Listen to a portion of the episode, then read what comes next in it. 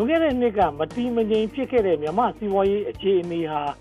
တည်ငြိမ်လာပြီးတဖြည်းဖြည်းတိုးတက်လာတယ်လို့ကမ္ဘာ့ဘဏ်အုပ်စုရဲ့ဇွန်လထုတ်စီးပွားရေးစောင့်ကြည့်ရေးအစီရင်ခံစာမှာဖော်ပြထားပါတယ်။ကိုယ်တိုင်စုဆောင်းထားတဲ့အချက်အလက်တွေနဲ့မြန်မာအစိုးရဌာနထုတ်ပြန်တဲ့အချက်အလက်တွေမှာအခြေခံပြီးကမ္ဘာ့ဘဏ်အုပ်စုကမြန်မာစီးပွားရေးစောင့်ကြည့်ရေးအစီရင်ခံစာကို6လတစ်ကြိမ်ထုတ်ဝေပါတယ်။ဇွန်လထုတ်အစီရင်ခံစာဟာ ဒီနှစ်ရဲ့ပထမ6လပတ်အစီရင်ခံစာပါ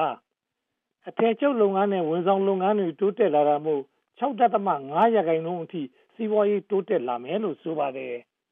လွန်ခဲ့တဲ့9နှစ်အတွင်းမှာပထမဆုံးအကြိမ်ပို့ကုန်တိုးပွားလာပြီးတွင်းကုန်ကျဆင်းလာတာကိုတွေ့မြင်ရတယ်လို့ဖော်ပြပါတယ်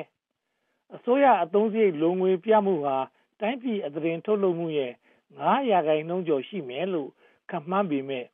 တကယ်လုံငွေပြတာဟာဒီတဲ့ပိုပြီးနည်းနိုင်တယ်လို့ဆိုပါတယ်။ဒါပေမဲ့လျှက်စစ်တအားမှာအစိုးရထောက်ပံ့မှုဟာအသုံးစရိတ်ရဲ့6ရာခိုင်နှုန်းအထိတက်သွားနိုင်ပြီးလာမယ့်နှစ်နှစ်သုံးနှစ်အတွင်း17ရာခိုင်နှုန်းအထိဖြစ်သွားနိုင်ပါတယ်။လျှက်စစ်စွမ်းအင်ပြဿနာကိုအရေးကြီးဖြေရှင်းရမယ်လို့ဆိုပါတယ်။ဒါကြောင့်စွမ်းအင်ကဏ္ဍပြုပြင်ရေးကိုအလျင်အမြန်မလုပ်နိုင်ရင်အစိုးရအတွက်ဗဏ္ဍာရေးဝန်ထုတ်ဝန်ပိုးကြီးမားလာပြီး ယင်းနှမြုပ်နှံလိုသူတွေကို ဆွဲဆောင်ဖို့ ခက်ခဲလိမ့်မယ်လို့ ကမ္ဘာ့ဘဏ်အုပ်စုက ဆိုပါတယ်။တိုင်းသူပြည်သားတွေ တတ်နိုင်တဲ့ လျှက်စစ်စွမ်းအင် ပေးနိုင်မှုကိစ္စကို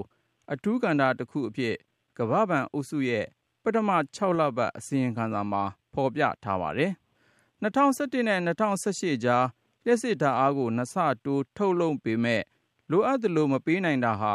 စီးပွားရေး တိုးတက်ဖွံ့ဖြိုးမှုကို အဟန့်တား ဖြစ်စေပါတယ်။မိမမှန်မရတဲ့အတွက် လုပ်ငန်း 95 ရာခိုင်နှုန်းဟာ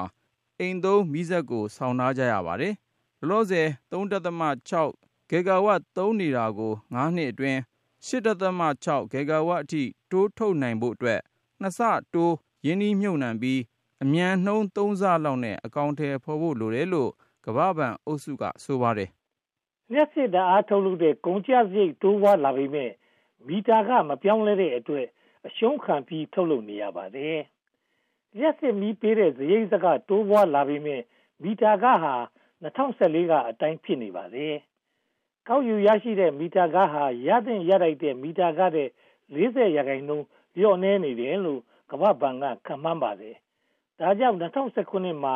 ကျပ်ဘီလီယံ980အရှုံးပေါ်ခဲ့ရာက2018မှာ950ဘီလီယံအရှုံးပေါ်ပါတယ်။ဒီလိုစိုက်ထုတ်ရတာကိုကာမိအောင်အစိုးရရဲ့ ဘတ်ဂျက်အသုံးစရိတ်ကိုလည်း30ရာခိုင်နှုန်းတိုးချဲ့လိုက်ရပါတယ်။အရှုံးခံပြီးလျှက်စစ်တအားပေးနေရတာဟာကိုရပ်ဆိုင်းဖို့လိုနေပြီလို့ကမ္ဘာ့ဘဏ်အုပ်စုကယူဆပါတယ်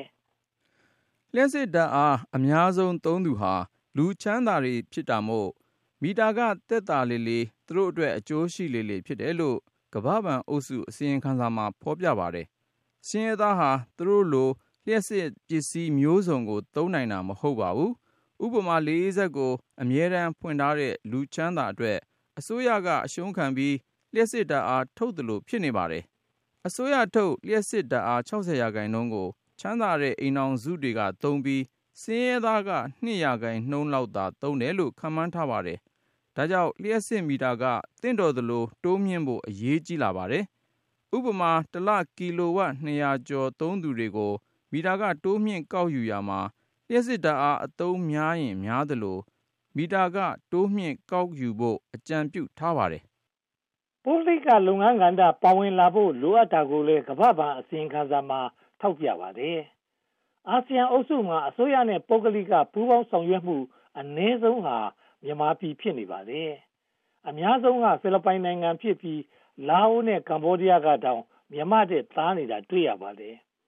မြန်မာအစိုးရရဲ့အာမခံချက်ကြောင့် ဘယ်လိုအကျိုးရှိခဲ့တယ်ဆိုတဲ့ အထောက်အထား မရှိတာဟာလည်း အစိုးရနဲ့ လက်တွဲဖို့ ခက်ခဲနေရတဲ့အကြောင်းတစ်ခု ဖြစ်ပါတယ်။ပွင့်ပွင့်လင်းလင်း ပြိုင်ဆိုင်နိုင်တဲ့ တင်ဒါစနစ် ကျင့်သုံးဖို့လည်း ကမ္ဘာ့ဘဏ်အစီရင်ခံစာမှာ အကြံပေးထားပါတယ်။ပြိုင်ဆိုင်မှုမရှိဘဲ ရယူတဲ့ စွမ်းအင်ထုတ်လုပ်ရေးစနစ်မှာ ဆိုးကျိုးများတာကို အနှစ်20အာဖရိကသမိုင်းက သက်သေပြနေပါတယ်တဲ့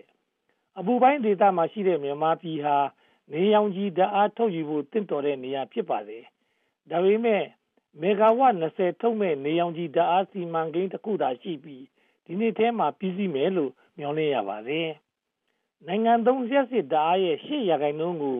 နေအောင်ခြည်ကရယူဖို့မြန်မာအစိုးရကရည်ရွယ်ပေမယ့်